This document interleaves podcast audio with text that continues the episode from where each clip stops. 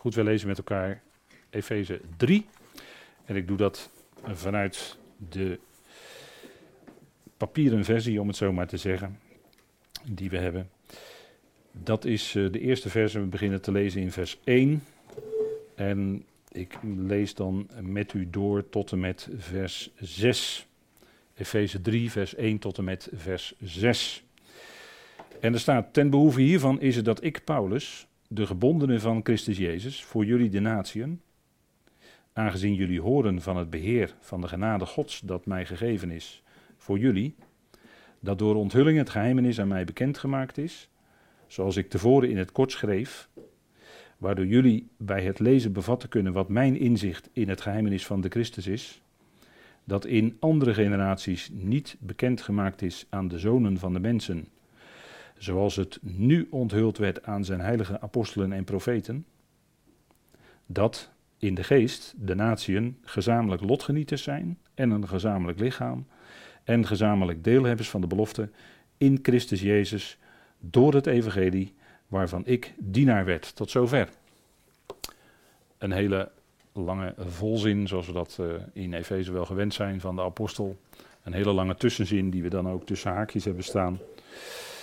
Maar goed, dat kom, komen we in de komende keer, keren wel nader op terug. Waarom dat uh, daar zo staat. Paulus, hij opent in vers 1 met de gebondenen van Christus Jezus. En dat heb ik dan ook voor vanavond dan als uh, titel voor deze avond meegegeven. En hij begint in vers 1, en dan beginnen we met de eerste woorden. Ten behoeve hiervan. En dan ziet u staan dat is het dat, dat, dat staat in dundruk, dat, dat, dat staat niet letterlijk, in de, niet letterlijk in de grondtekst. Dus dat uh, hebben we toegevoegd voor de leesbaarheid. Maar ten behoeve hiervan, en dan ziet u daar op deze slide die twee woorden staan in het Grieks. En als je dat heel letterlijk zou vertalen, dan staat daar dezelfde gunst. Maar u ziet in het woord garin, daar hoort u het woord garis natuurlijk, het woord genade. En dus vandaar dat het woord gunst, uh, dat ligt daar natuurlijk heel dichtbij. En dat is wat wij vertaald hebben met ten behoeve hiervan. En Paulus die onderbreekt eigenlijk zijn betoog wat hij wil zeggen. En dat doet hij tot aan vers 14. En in vers 14 gaat hij die zin dan wel voltooien. En in vers 14 zegt hij van Efeze 3: Ten behoeve hiervan buig ik mijn knieën. Maar er zit dus een hele lange zin tussen van wat Paulus aanleiding was om zijn knieën te buigen. Dus hij onderbrak als het ware die zin. En gaat in vers 14 verder. Dus er zit een heel lang stuk tussen wat hij vanwege de Heer, door de Heer ingegeven natuurlijk, door de Heer, eh, door God geïnspireerd, daar nog tussen moest zetten. En dat is natuurlijk heel veel. Dus vandaar dat, we, dat ik dit plaatje ook erbij heb gezet. Ten behoeve hiervan buig ik mijn knieën. Want dat is wat hij in feite bezig is te doen. Hij gaat spreken over het geheimenis. En dan kan hij niet anders doen als dat. Daar is zijn hart zo vol van.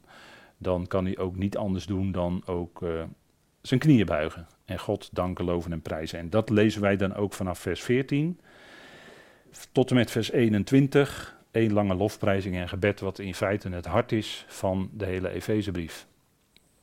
Maar goed, daar komen we nog op. Dat is allemaal nog uh, toekomst. Uh, toekomstig als we daaraan toekomen tenminste. Ten behoeve hiervan is het dat ik, Paulus, gaat dus zijn knieën buigen. En waarom doet hij dat, zou je kunnen zeggen? Nou, er is al heel veel aan de orde geweest in deze brief, in die eerste twee hoofdstukken die we met elkaar besproken hebben, waarin in feite dat Efezegeheimenis al naar voren gekomen is, in zijn verschillende aspecten. En dat is de reden ook waarom Paulus zijn knieën buigt. Het eind van hoofdstuk 2 die versen 19 tot en met 22, waarvan we gezien hebben dat dat een breder perspectief geeft dan puur alleen het lichaam van Christus. Dat was natuurlijk een enorme verbreding en we zien eigenlijk dat het, uh, we hebben eigenlijk gezien dat het in feite gaat, die woonplaats van God in de geest, dat het in feite gaat om heel de schepping. Heel de nieuwe schepping zal straks helemaal vol zijn van zijn geest En al die schepselen zullen op hun beurt ook vol zijn van zijn geest. Dan is God alles in alle. En dan is daar die hele schepping in meegenomen. En daar eindigt in feite Efeze 2 mee. En dat leidt er ook toe dat Paulus zijn knieën buigt. En dat is. Uh, en dan het gebed wat hij dan uitspreekt, om het zo maar te zeggen, van vers 14 tot en met 21, is dan één grote lofprijzing op basis van dat wat hij heeft mogen onthullen. Want dat was nog nooit op die manier zo onthuld, zoals hij dat mocht onthullen in de Efezebrief. Niemand anders dan alleen Paulus heeft dat ooit zo onthuld gekregen. we lezen dat niet bij andere apostelen, niet bij de apostelen van de besnijdenis. Die hadden geen idee van dit, dit alles wat hij in de Efezebrief uh, neerlegt. En uh, de verschillen zijn dan ook enorm tussen die twee evangeliën. Enorm. En dan zegt hij dat ik, Paulus, en dat nadrukkelijke ik, hè, ik, Paulus, en hier zien we dus dat hij zich uh, naar voren stelt als apostel, als leraar. Ik, Paulus. En dan kunnen we niet anders dan daarbij zetten mijn evangelie. Paulus had een bijzonder evangelie toevertrouwd gekregen. Naast dat evangelie van de besnijdenis. Zijn evangelie kun je zeggen is evangelie van de onbesnedenen. Als ik het nog wat preciseer, dan moet ik eigenlijk zeggen het evangelie van de voorhuid. En zijn apostelschap is ook van de natieën. Ik memoreer maar even Romeinen 11 vers 13. Waarin hij zegt dat zijn apostelschap voor de natieën is. Romeinen 11 vers 13, hè, dat, is, dat is even nadrukkelijk in dit verband nemen we dat even mee. Want dan zegt hij, dan maak ik mijn bediening heerlijk. Want tegen u, Romein 11 vers 13, tegen u de natie zeg ik, voor zover ik apostel van de natie ben, maak ik mijn bediening heerlijk. Of verheerlijk ik mijn bediening. Hij was de apostel van de natie. Ik kan wel zeggen, alle naties dus hè, in deze tijd, inclusief Israël. Hij is apostel van de natie. Zijn apostelschap strekte zich uit, strekt zich uit moet ik zeggen, over alle naties. En daarnaast heb ik hier opgezet Petrus en de elf, die verkondigen en waren ingezet in het evangelie van de besnijdenis. En het, ook dat apostelschap van de besnijdenis hadden zij. Petrus, eh, met name Petrus dan. Petrus en de elf. Dus heel duidelijk even weer die lijnen, even naast elkaar gezet. Zo liggen die lijnen in de schrift. Paulus zegt hier ook heel nadrukkelijk: ik, Paulus. En dat is natuurlijk heel nadrukkelijk hier. Hè? Hierin is hij alleen, hij noemt geen andere namen, hij noemt niet een Timotheus, hij noemt niet een Silas, hij noemt niet andere. Nee, hier is ik, Paulus. Hier is zijn, om het zo maar te zeggen, zijn gezag als apostel vol aanwezig, zoals hij het hier uitdrukt. En hij zegt, ik ben de gebondene van Christus Jezus, voor jullie de natieën. En hij zegt gebondene van Christus Jezus. Dat wil zeggen dat dat. Hij is de gebondene van die verheerlijkte Heer. Hij zat natuurlijk letterlijk in gevangenschap in Rome. En als zodanig was hij in ketenen, was hij gebonden. Maar hij zegt, in feite was hij de gebondene van Christus Jezus. Dat was de weg die hij was gegaan. En zo stelt hij zich ook voor op die manier in Filemon. U ziet het staan. En hij noemt zijn banden of zijn ketenen, zijn boeien, noemt hij in die teksten die ik daar heb aangegeven. hij zegt dan ook op een gegeven moment tegen Timotheus: Herinnert je mijn banden? Met andere woorden, herinner je dat ik gebonden ben, maar hij zegt er dan ook gelijk bij: Maar het woord van God is niet gebonden. En dat was natuurlijk zijn triomf. In gevangenschap schreef hij in Rome deze brief onder andere, deze algemene rondzendbrief. En ook die andere, Filippenzen, Colossense, 2 Timotheus. En dat is toch de hoogste onthullingen. Maar die schreef hij als een gebonden apostel. En dat is paradoxaal, want wij zouden denken: ja, nu kan hij er niet op uitgaan. Nu kan hij niet overal het Evangelie prediken. zoals hij dat ook op het plein in Athene deed. of in Korinthe, of noem maar op. Hij kan niet overal toe het Evangelie prediken. Nee. Nee, maar dit was Gods weg met hem. Hij was gebonden. En heel erg beperkt dus in zijn bewegingsvrijheid. En toch was dat juist de gelegenheid dat God hem aan het schrijven zette En dat hij de meest geweldige brieven mocht schrijven die ooit aan de mensen geschreven zijn. Onvergelijkbaar grote heerlijkheid. En eh, het probleem is dat, um, omdat in, uh, in het algemeen uh, laat men lijnen door elkaar lopen, de lijnen die ik dan net, daarnet bij de vorige dia uit elkaar heb gehouden. Maar vaak laat men lijnen door elkaar lopen, waardoor beide evangeliën, allebei, uh, ja, dat komt niet meer helder naar voren, niet helder genoeg. Dus hier is het heel duidelijk dat Paulus nadrukkelijk zegt, ik, Paulus, de gebondene van Christus Jezus. En dat is wil zeggen, nu is hij bezig nog met een stuk onderwijs. Nadrukkelijk als apostel, gebonden, geketend, maar hij is het van Christus Jezus. En dat is ten behoeve van, hè, voor jullie de natieën. Voor jullie de natieën. En dat heeft natuurlijk al meer geklonken hè, in deze brief. Maar steeds die verwijzingen, u ziet dat in zijn brieven steeds die verwijzingen zijn naar zijn banden of zijn ketenen. Hij stelt zich ook op als, maar dat is in het volgende hoofdstuk, als de gebondene in de Heer. Dat is een hele andere toevoeging dan van Christus Jezus. En in de Heer, dan gaat het om de opening naar het gedeelte waarin hij gaat schrijven over het gedrag. Gebondene in de Heer. Of zoals hij in Timotheus zegt, iets anders, maar dan van zijn Heer. Gebondene van zijn Heer. Maar dan gaat het natuurlijk ook om. En Timotheus gaat natuurlijk ook om allerlei aanwijzingen die Timotheus meekrijgt. Om die daaraan te denken als hij evangelie verkondigt, als hij spreekt bij allerlei, in allerlei gelegenheden, eh, bijbelstudie en noem maar op. Dat gaf hij mee aan Timotheus. Hij was ook de gebondene in de Heer. En die uitdrukking in de Heer in de brieven van Paulus, dat is, hè, als het begrip Curios genoemd wordt, Heer, is het heel vaak dat het te maken heeft met het gedrag. Met ons gedrag, met onze wandel als gelovigen. Dat is uh, waar hij bijvoorbeeld ook in hoofdstuk 4, uh, eh, als we iets verder, um, iets verder even hoofdstuk 4 in bladeren, bijvoorbeeld vers 17, dan zegt hij ook, dit dan zeg en getuig ik in de Heer. En dan gaat het direct over de wandel, want het vervolg is dat jullie niet meer wandelen. Ziet u het? In de Heer, dan heeft het te maken met onze wandel. Dus er is een duidelijk verschil met dat van Christus Jezus. Dan is hij echt de autoriteit als apostel, geeft hij onderwijs. En natuurlijk dat onderwijs heeft ook effect op onze wandel, maar het bevat dan niet directe aanwijzingen voor onze wandel. Dus hij is hier in Efeze 3, vers 1, Paulus, de gebondene van Christus Jezus. Dat is natuurlijk zijn letterlijke situatie, was dat inderdaad dat hij in ketens was, maar hij was gebonden. En als zodanig eh, kon hij dat doen wat, anders, wat hij anders misschien niet had kunnen doen. Was hij misschien heel druk geweest met dan hierheen, dan daarheen, dan daarheen. En met allerlei dingen bezig. Maar de Heer zette hem stil als het ware. De Heer ketende hem via uh, Rome. En was ook nog wat Paulus zelf had gedaan, maar dat zullen we nog zien. Waarom hij dan in ketens naar Rome ging. Dat was omdat Paulus zelf. Maar goed, we zien Paulus en uh, zijn naam kun je ook afleiden vanuit het Grieks. En dan heeft het verband met het woord pauwo. Of wij kennen dat nog wel, wij horen dat nog terug in ons woord pauze.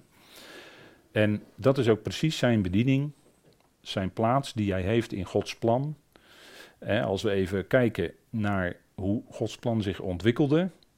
Daar waren allemaal mensen die uh, vereerders waren van allerlei andere goden enzovoort. En God roept dan in die duisternis Abraham.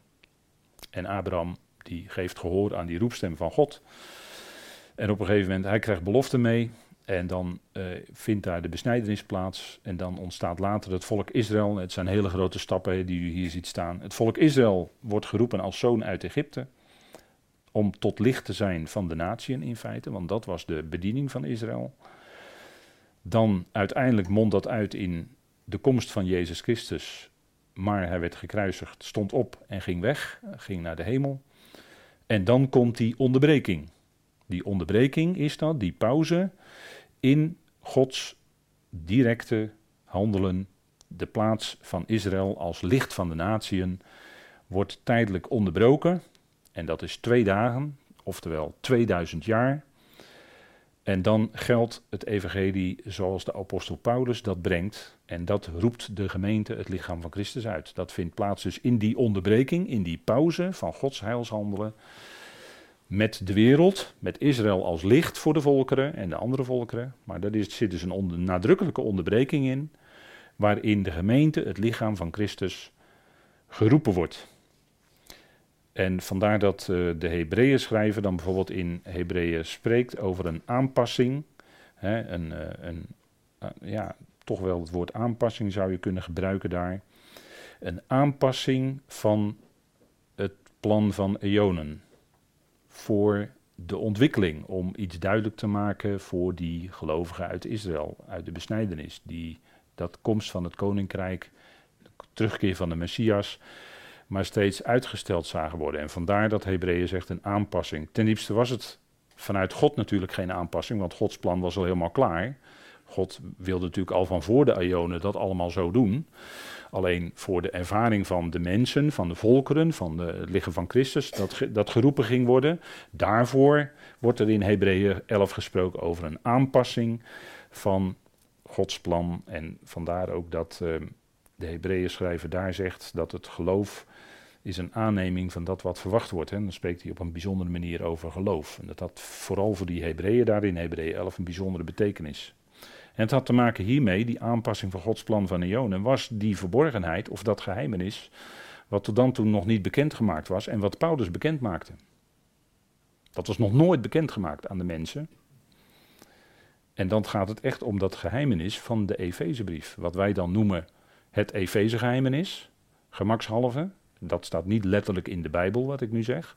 Maar dat noemen wij het Efezegeheimenis. En dat geheimenis was een absoluut geheimenis, om het zo maar te zeggen. Daarvoor was nog nooit iets onthuld, totdat Paulus het onthulde. En met name in de Efezebrief. En dat bekend maakte wat de plaats en de, ook de bediening is van het lichaam van Christus. En als het lichaam van Christus eenmaal weggenomen is, hè, snel weggegrist is of weggerukt is, dan zal zullen er allerlei ontwikkelingen gaan plaatsvinden. De Messias, Jezus, keert dan weer terug voor Israël op de Olijfberg. En dan zal Israël ingezet worden, dan wel als licht van de volkeren, duizend jaar lang. En op de nieuwe aarde. Dan zullen ze werkelijk in die bediening komen. Waartoe ze gesteld zijn in Jezaja 49. Hè. En de rabbijnen weten dat heel goed. er zijn studies bij, de, bij het Tempelinstituut door de betreffende rabbi. En dat, die studies die heten ook Light of the Nations. Dus ze weten het heel goed dat zij leid, licht van de natie zijn. Gesteld zijn tot, en dat is wat de rabbi ook doet. Maar Israël zal pas echt in die bediening kunnen komen als de Messias gekomen is. En dan zal er ook werkelijk het koninkrijk aanbreken. Dan zullen ze ook werkelijk dat land als lotdeel bezitten. wat nu ook door sommige groepen in Israël, ook eh, door sommige Joodse groepen ook bestreden wordt. Die zeggen, ja, de huidige Joodse staat, dat, is niet echt, dat is ongeloof, dat is, dat is niet wat, uh, want het kan pas echt zo zijn als de Messias komt. En ze hebben gelijk. Het kan pas echt wat worden als de Messias Jezus, als, als de Messias gekomen is. Natuurlijk, dat is ook zo. En nochtans moet dat volk daar nu zijn als, als klein volkje, als, uh, als een Joodse staat, uh, seculiere staat, in ongeloof. Dat is allemaal geprofiteerd. Dat is dat dal van dorre doodsbeenderen wat Ezekiel zag in Ezekiel 37. Maar daar zal op Gods tijd geest in komen. Daar zal hij geest inblazen. En dan zal het dode lichaam zal dan inderdaad herleven. En dan zal het ook zijn opstanding uit de doden, wat ook door Hosea voorzegd is. na twee dagen zal ik jullie doen herleven. Zal ik jullie uit jullie graven doen opkomen, Israël. En ze waren ten onder gegaan in die volkeren. Dat, zal, dat, zal dus, dat is geprofiteerd, dus dat gaat werkelijkheid worden. Zij zullen licht van de volkeren zijn in de komende eon, eonen moet ik zeggen. Maar dat is nog toekomstmuziek, nog steeds voor Israël. En zolang dat nog niet het geval is, zolang wij hier nog op aarde zijn, kan het ook niet gebeuren, want wij zijn er nog. En pas als wij weggenomen zijn, kan dat plan op die voet verder gaan. Dus Pauo, pauze, eh, Paulus, die naam kan heel goed van dat Griekse woord afgeleid zijn. En dan is het ook een prachtige uitbeelding van die onderbreking, die pauze in dat handelen van God met Israël als licht van de natieën. Dat, zo zou je dat kunnen zeggen, denk ik. En dat, dat duurt twee dagen, dat duurt 2000 jaar. Hosea had het gezegd, hè, twee dagen. En uh, ja, dat is 2000 jaar. Bij God is immers een dag als duizend jaar en duizend jaar als een dag, hè, zegt Petrus. Dat, dat weet u. Dus het is 2000 jaar. En die zijn om. Die zijn om. We zijn bijna bij het begin van de derde dag. En uh, we leven nu, als ik het goed zeg, in het jaar 5784. En uh, dan is er een uitleg die zegt ja, bij, bij, dat zei Rabijn Evers, meen ik, die zei ja, als het, als het jaar 6000 is, dan gaat het koninkrijk aanbreken. Maar er zijn ook andere rabbijnen die zeggen in het jaar 5800. Dan gaat het beginnen. Dan, komt, dan gaat de Messias, dan is de Messias daar. En dan gaat het beginnen. Dat is nog 16 jaar. Dus dat zijn zo gedachten die leven binnen het Jodendom. We weten het niet, want voor ons is geen datum gesteld. Wij verwachten Hem uit de hemelen. Hè. Wij verwachten de Heer die ons komt halen uit de hemelen. Die zal neerdalen en wij zullen weggegrist worden. En dan zullen we tot een ontmoeting van de Heer in de lucht, staat er dan hè, in 1 Thessalonicense 4. Nou, dat, als dat gebeurt, dan zijn wij weg. En dan gaat wat in de openbaring staat, wat in 2 Thessalonicense 2 staat enzovoort, dan gaat dat verder. Dus dan is die, die 2000 jaar, die zijn eigenlijk voorbij. En dat is natuurlijk voor ons uh, geweldig. We kijken er naar uit. Paulus, hij zegt Paulus, de gebondene van Christus Jezus, voor jullie de natieën. En dat jullie, dat hebben we met elkaar gezien hè, in de voorbije hoofdstukken. Dat heeft er diverse keren geklonken al hè, in, uh, in de Efezebrief. Dan sprak Paulus eerst over wij en ons. En dan zegt hij ineens, bijvoorbeeld in 1 vers 13, ook jullie. En dan komen de gelovigen uit de natie erbij.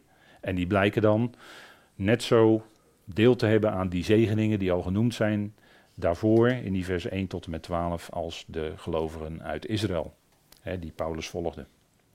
Of het geloof dat jullie aangaat, hè, daar hebben we ook nadrukkelijk bij stilgestaan. Hè. En ook jullie, 2 vers 1, eens jullie de natieën in het vlees. En in 2 vers 22 klonk het ook nog in wie jullie samengebouwd worden tot de woonplaats van God. Hè. Dus steeds klinkt daarin dat van die bediening van de apostel Paulus voor de natieën. En in feite voor alle natieën, want God roept nu uit, uit alle natieën, inclusief Israël, tot het lichaam van Christus. Dat is, daar is, in het vlees is er nu geen verschil, hè? maken we geen verschil. En we zien, ik heb even een plaatje hierop gezet van Herod's tempel, een plattegrond. Want daarin ziet u dat er bij die tempel van Herodes werd daar nadrukkelijk onderscheid gemaakt tussen een Gentiles court, hè, dus een, een, eh, voorhof voor de heidenen. En die mochten niet voorbij die Zoreg komen. Daar hebben we natuurlijk in Efeze 2 ook nadrukkelijk bij stilgestaan. En de grote bonje of de grote oproer ontstond toen zij meenden dat Paulus de Efeziër Trofimus voorbij de Zoreg had gebracht. Wat niet het geval was. Maar dat is nou typisch zo'n trucje van de tegenstander. Even een leugen, leugen laten rondblazen. En de boodschapper van de waarheid, die komt onder druk te staan. Dat is, dat is altijd. En, en dan eh, gaat dat, dat speelt de tegenwerker in dat geval via de religieuze kant. Maar het kan ook via een hele andere kant. Ja, ook wel religieus. Want als ik dat zo zeg, dan denk ik ook dat Paulus was daar in Efeze, meen ik. En toen was er ene Demetrius, geloof ik, een zilversmid. En dat had met Artemis-tempels te maken. Dus dat, was ook allemaal, dat had ook te maken met, uh, met, met religie, met religieus, met de tegenstander, met de tegenwerker die zat te vroeten en oproer maakte tegen... Ja, want stel je voor, ze gingen al hun boeken, toverboeken gingen ze verbranden. En uh, die, die, uh, die Demetrius, die zag zijn handeltje in, die, in, die, in dat zilver, zag hij natuurlijk verdampen. En uh, ja, als het om geld gaat, nou, uh, poef, als het om geld gaat, ho, ho, ho, ho, was toen al zo. En in deze wereld waarin wij vandaag leven, is het nog veel meer zo. En dan druk ik me nog zacht uit. Draait allemaal om geld, hè. Als je wilt weten hoe lijntjes lopen, dan, zou ik, uh, dan is een gevleugelde uitdrukking, follow the money, volg het geld. Maar hoe gaan de geldstromen? Nou, dan kom je er wel achter, hoe het zit. Maar goed, dat is allemaal even terzijde. Het punt is dat, ja, dat zeg ik omdat straks, straks als wij weg zijn, zal dat ook de zwakte zijn. Hè? Die, die wilde zal ook de zwakte zijn van het laatste wereldrijk van de antichrist. Dat wordt uitgebeeld in dat beeld van, van Daniel, Daniel 2. Die voeten die zijn dan van tien tenen, maar dat is uh, ijzer gemengd met leem. En dat leem wijst er dan op. Dat heeft dan te maken met de rijkdom. En dat is dan tegelijkertijd ook de zwakte van dat laatste wereldrijk. Dat is het punt, hè. En dat is wat we nu, uh, nu zien, hè. De... Maar goed, we gaan daar verder niet, uh, nu niet dieper op in. Hij, Paulus was de gebondene van Christus Jezus voor, de na, voor jullie, de natieën. En dat was, dat was die apostel, die heeft die bediening nu in deze tijd om het lichaam van Christus te roepen. Petrus niet. Petrus niet. En ik denk dat dat uh, duidelijk mogen zijn. Hè? Uh, jullie, jullie horen, zegt hij, aangezien jullie horen van het beheer van de genade uh, van de God, hè, staat een bepaald lidwoord, ik heb het even zo helemaal uitgeschreven het beheer van de genade van de God, dat mij gegeven is voor jullie. En dat heeft hij ook eerder gezegd, hè, jullie horen. Hè, dat staat ook hier in de, in, de, in de vorm, weet u wel, uh, wat, wat een feit uitdrukt, maar geen tijd. Hè. Het is een feit, maar het drukt niet zozeer een, een tijd uit. Of het nou verleden, heden of toekomst is, dat is niet zo, doet niet zo ter zake. Het gaat om het feit dat. En die tijdvorm wordt ook in Efeze 1, vers 13 gebruikt, waarin gezegd wordt: Jullie horen, hè, in hem ook zijn jullie die het woord van de waarheid horen, staat ook in die tijdvorm een feit. En dat drukt niet zozeer een tijd uit. Hè. Aangezien jullie horen van het beheer van de genade van de God, dat mij gegeven is voor jullie door deze Efezebrief maakt Paulus het Efezegeheimenis bekend. En dat was een absoluut geheim wat nog niet eerder bekend was gemaakt. Wat we aan het begin van de avond gelezen hebben, dat stukje, en dat was natuurlijk best wel moeilijk omdat het zo'n hele lange zin was met een hele lange tussenzin. In die tussenzin sprak Paulus even over het geheimenis van Christus. Maar dat is een ander geheimenis dan het Efezegeheimenis. In het geheimenis van Christus gaat het om dat hij dat alles onder, zijn, uh, onder hem gebracht zal worden als hoofd, wat Paulus ook aangegeven heeft in Efeze 1, vers 10. En het geheimenis van Christus wil dus zeggen dat hij zal het hoofd zijn van die hele schepping. Alles in hemelen en op aarde zal onder hem als hoofd gebracht worden. Dat is het geheimenis van Christus. Voluit. Maar deels, deels, dat geheimenis van Christus, deels, wat de aarde betreft, was al eerder bekendgemaakt in de profeten van Tenach, in uh, andere sprekers. Die hadden ervan getuigd, geprofiteerd, dat de Messias zou komen en dat die inderdaad zijn koninkrijk zal oprichten over Israël en dat het vanuit Israël dan ook uitgerold zal worden over de hele wereld. Eh, Daniel bijvoorbeeld is heel duidelijk. Daniel 2 vers 44. Daniel 7. Daniel 8, Daniel 9, ja je kan doorgaan wat dat betreft. Maar de profeten zijn heel duidelijk. David zal regeren. Er zal een koninkrijk zijn vanuit Israël over de hele wereld. En dat was het geheimenis van Christus, wat al bekend was. Maar Paulus' inzicht in het geheimenis van Christus was dat hij ook het hoofd is van die hemelse machten en krachten. En dat ook daarvoor een groep ingezet zal worden die dat zal uitwerken. Dat was Paulus' inzicht in het geheimenis van Christus. Maar dat was dus geen absoluut geheimenis, dat was deels al bekend. Het aardse aspect was al bekend. Alleen het hemelse aspect maakt hij bekend in de Efezebrief. Maar we zullen daar een volgende keer of keren wat uitvoeriger nog bij stilstaan. Ik geef het nu maar even heel, kort aan. Jullie horen, dus door deze Efezebrief, horen jullie van het beheer van de genade van God dat mij gegeven is voor jullie. En het beheer, hè, aangezien jullie horen van het beheer, hè, dat is het woord huiswet, hè, dat hebben we hier best wel eens besproken, uh, of administratie, oikonomia in het Grieks, dat is letterlijk huiswet, of je mag het ook vertalen met huishouding. Dus er wordt een bepaalde huishouding gevoerd waarin bepaalde regels gelden, waarin bepaalde principes gelden, of grondregels, zo u wilt.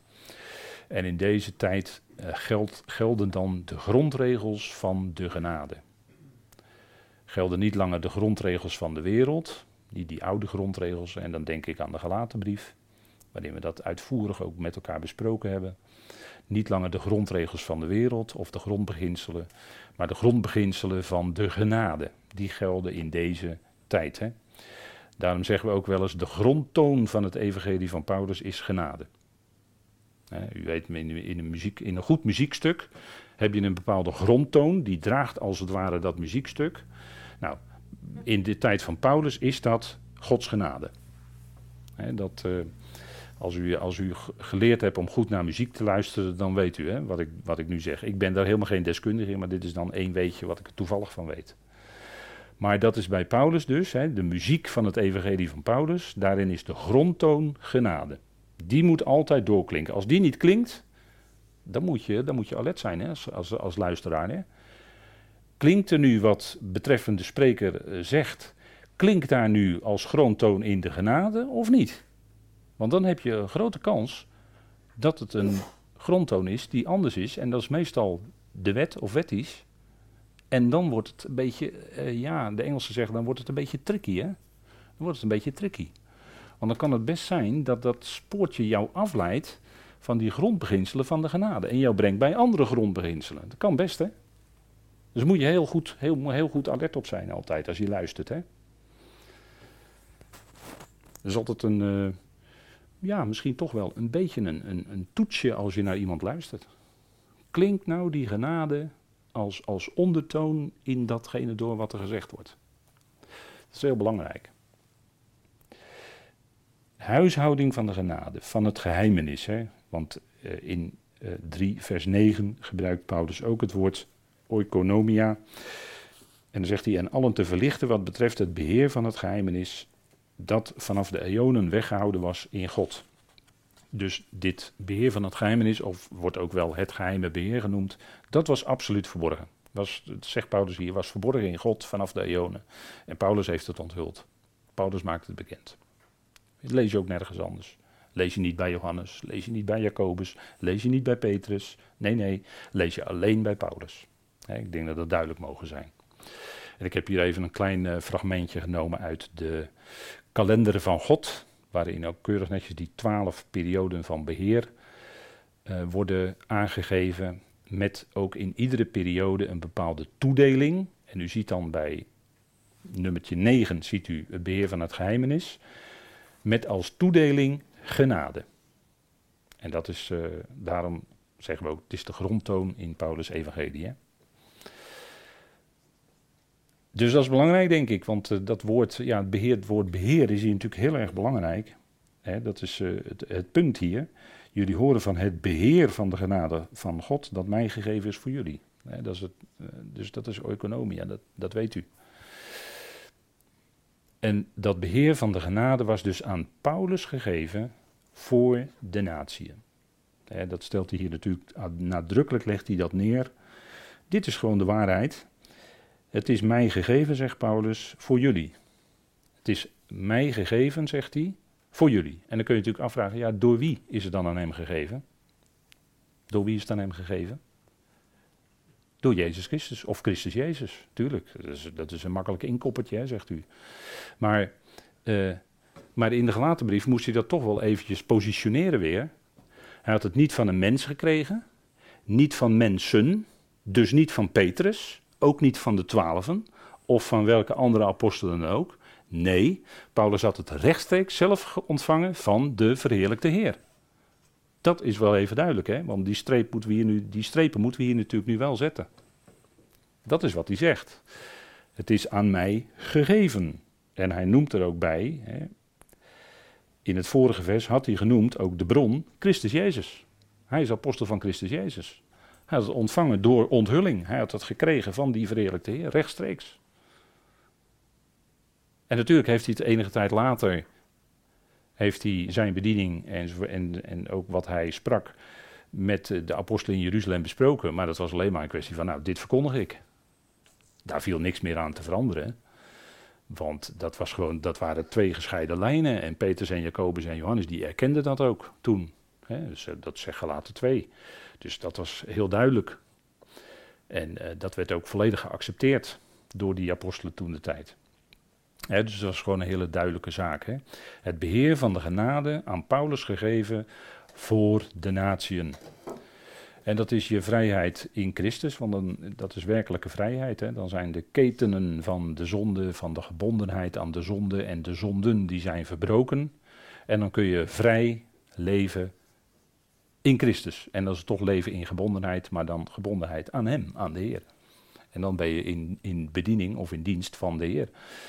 Dan mag je dienstwerk doen, met nadruk op dienst, dienstwerk, wat je van Hem te doen krijgt. Nou, dat is dan eh, fijn. Waar was dit het gevolg van? Dat de apostel Paulus geroepen werd. Er was een verandering gekomen. En dat had te maken met de afwijzing door Israël als, als hele volk, zeg maar, even in het algemeen gesproken. En natuurlijk waren er heel wat die in Jezus als de Messias geloofden, maar toch, maar toch. De genade ging naar de natie en dat was mede het gevolg van Israëls ongeloof. Dat was, dat was uh, oorzaak en ehm, ja, ook wel aanleiding tot allerlei gebeurtenissen. Uh, een van de grote blijken, hè, ik heb het hier gezegd, dan, het, is een, het was een toppunt. En natuurlijk, uh, als we dat andere toppunt nemen, uh, wat al eerder gebeurde, dat was het kruisigen van de Zoon van God. De Heer Jezus Christus werd gekruisigd. En dat is wat Petrus ook zegt op de Pinksterdag tegen zijn Israëlische mannenbroeders die daar vergaderd waren. Ter gelegenheid van Shavuot. Hij zegt, jullie, Israël. Ja, technisch gesproken hebben de Romeinen hem aan het kruis genageld. Ja, ja. Maar Peter zegt, jullie, Israël, jullie hebben hem gekruisigd. Dat is, dat is wat Peter zegt. Peter is zelf uit het Joodse volk afkomstig en zei tegen zijn eigen volk daar. Zo was het. En dat was natuurlijk een toppunt van afwijzing, van ongeloof. En dat voltrok zich ook later. De steniging van Stefanus door de Joden in het land. En dat was een toppunt van ongeloof. Hij had ze toegesproken in Handelingen 7. We hebben dat toen met de studies Handelingen ook behandeld. Hij had ze toegesproken en het prikte in hun hart wat hij zei. En ze konden niet anders dan uit woede hem stenigen. En op het moment van dat hij bijna stierf, zei Stefanus en hij keek omhoog en hij zag hem staan. Hij zag de Heer Jezus Christus staan. Als de zoon des mensen. Zo beschreef hij hem. Hè? En omdat hij staande was en als zoon des mensen, is dat een uitdrukking van het gericht. En dat gericht zou over Israël voltrokken worden. Dat gericht zou over Israël voltrokken worden. Zij zouden in de verstrooiing gaan, in de diaspora. Het koninkrijk zou uitgesteld worden. Dat was een gevolg van hun ongeloof, van hun afwijzing van de Messias als koning, van Jezus Christus als koning, van een afwijzing van het koninkrijk. Ze wezen hem af en daarna wezen ze ook het getuigenis van de Heilige Geest. In, in de eerste hoofdstukken van Handelingen wezen ze af. De apostelen werd het leven benauwd gemaakt omdat ze getuigden van Jezus. En, en eh, zo verging het Stefanus ook. En dat was in feite een toppunt van afwijzing, uh, waardoor later, en daar zit een direct verband in, de apostel, hè, waarin Shaul, Saulus geroepen werd door de Heer. Want hij stond erbij en hij paste op de mantels van degene die Stefanus stenigde. En dan staat er ook bij in Handelingen 8 vers 1, Saulus dan was instemmend met zijn executie. Dus hij stond daar vol instemming bij. Hij paste zelfs op de mantels van degene die stenigden. Moet je nagaan. Dat was Saulus, hè? En later wordt er van hem ook gezegd dat hij buiten het land, Damascus, hij blies dreiging en moord tegen de volgelingen van die weg, hè, tegen de volgelingen van Jezus. En je zou niet verwachten dat zo'n dolle man als Saulus, zoals die tekeer ging, dat die geroepen werd. Maar die werd nou juist geroepen. En dat is nou juist genade. Dat is, nou, dat is nou genade. Dat is nou genade in, hè, Paulus zegt, overstromende genade. Ik ben overweldigd door de genade van Christus Jezus. Hij is gekomen in de wereld om zondaren te redden, niet om ze te veroordelen. Dat is wat hij zegt in 1 Timotheus 1. Hè? En dat is wat, wat Saulus, als, die natuurlijk alles, alles verspeelt. En, en daarom juist, daarom kon hij het toonbeeld zijn van Gods genade. Ja, juist Paulus, juist Saulus. ijveraar voor God, ijveraar voor zijn voorvaderlijke overleveringen. Wettisch tot en met. Vol, vol religieus bezig zijn, meende een enorme goede ijveraar voor God te zijn. Maar tegelijkertijd was hij een vijand van Jezus. Dat is wat religie doet. Hij stemde in met zijn executie. En dat was, dat was een van die toppunten waarin het ongeloof van Israël bleek. En waardoor Saulus geroepen werd. Het plan van God was zo. Roeping en die roeping betekende lijden voor de apostel Paulus. De Heer zei tegen Ananias, en u ziet hier een foto van Damascus, de rechte straat, ga naar degene die daar in gebed is, Paulus of Saulus, in de rechte straat, daar en daar in Damascus, ga naar hem toe. En er zijn een aantal dingen tegen hem. En hij zei ook tegen hem, hè, de Heer zei tegen Ananias, want ik zal hem te kennen geven hoeveel hij voor mijn naam moet lijden. Dus die roeping van Saulus betekende tegelijkertijd een weg van lijden. Lijden met het evangelie. Kwaad lijden met het evangelie. Dat lees je ook in 2 Timotheus terug. Hè? Daarin zegt Paulus ook tegen Timotheus: Leid samen met mij kwaad voor het evangelie in de kracht van God. Als een goed, als een uitstekend soldaat van Christus Jezus. Zegt hij hè, in 2 Timotheus. Dat klinkt tegenstrijdig. Een geweldige boodschap, een geweldige evangelie. Goed nieuws, genade. En toch moet je lijden, moet je kwaad lijden. En dat is omdat de tegenwerker van God, die wil niet dat de waarheid verkondigd wordt. En altijd daar waar de waarheid verkondigd wordt, daar zal vroeg of laat vervolging uitbreken. En wij zijn nog in ons land in een gelukkige situatie dat we hier vrij kunnen samenkomen. Maar u zou die talloze gelovigen moeten tellen die dat niet kunnen. Die in landen leven waar ze verdrukt worden, waar ze misschien in diepste geheim samen moeten komen. En als het ontdekt wordt, wee hun gebeente. Zo zijn er vele. En ik hoop dat u ook voor die vervolgde medegelovigen bidt. dat, is, uh, dat is heel wat hoor. Dat is heel wat wat je dan beleeft. En vaak heb je dan uh, heel weinig. En ben je heel, heel blij met relatief weinig. En als die schriften dan gelovigen bereiken, dan is dat voor hen een enorme, ja, dat is hun leven, dat is hun schat, dat is alles. Ik zal hem te kennen geven hoeveel hij voor mijn naam moet lijden. Werd van tevoren al in Handelingen 9 gezegd. Hè? Toen hij de ogen werd geopend doordat Ananias uh, de handen oplegde.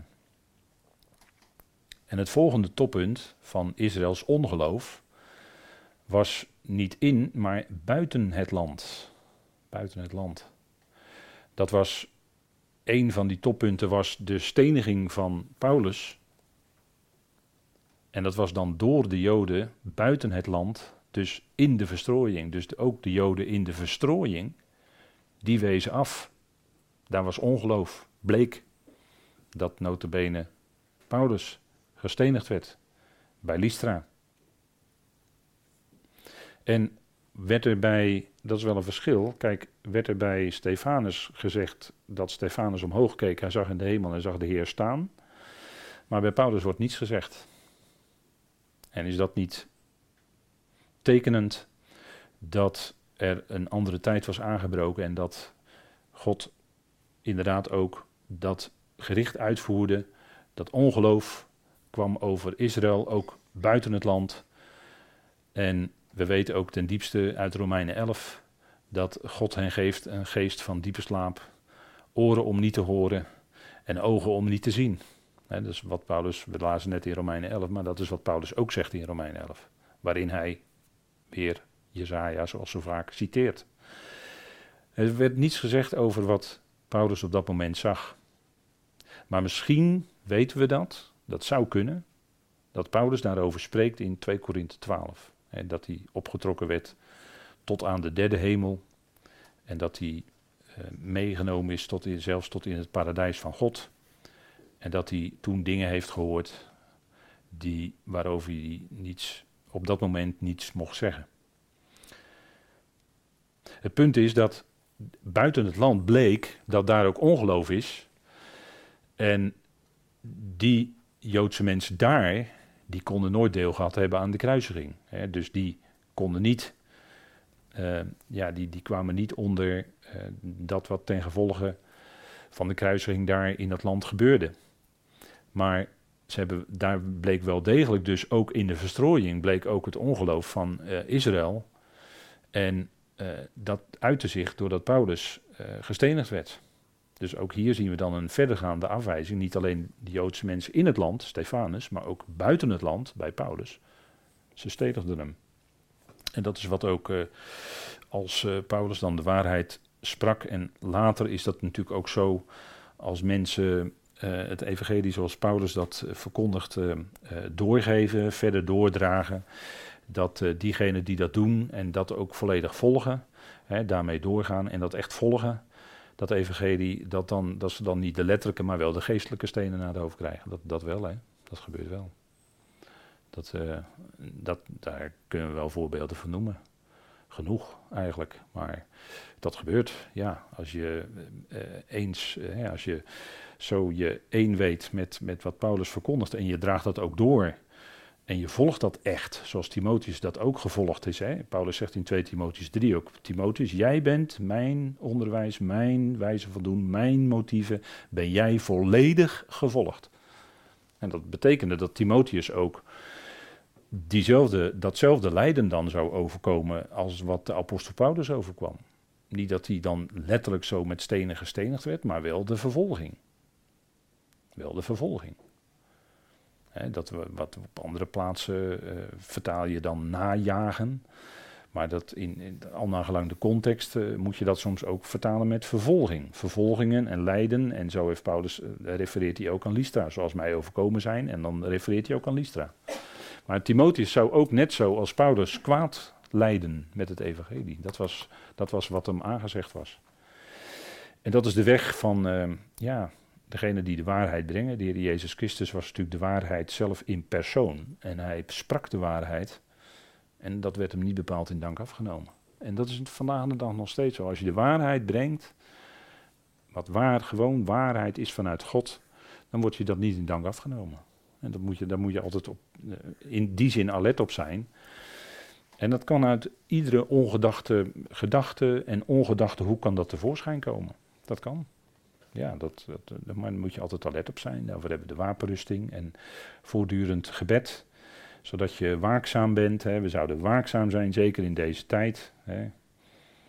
Dat, uh, uh, ja, afgelopen zondag uh, zei ik even zo tussen het spreken door van dat, dat we niet hadden kunnen denken in 2019 dat nu, as we speak, 2023, de wereld er zo uit zou zien zoals die er nu uitziet. Had je niet kunnen bedenken, hè? Nee.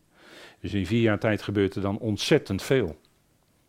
En dat is de reden, de alle reden voor ons als gelovigen om waakzaam te zijn, alert te zijn op wat er gebeurt en dicht bij dat woord, bij dat evangelie te blijven. Ik denk dat dat heel erg belangrijk is.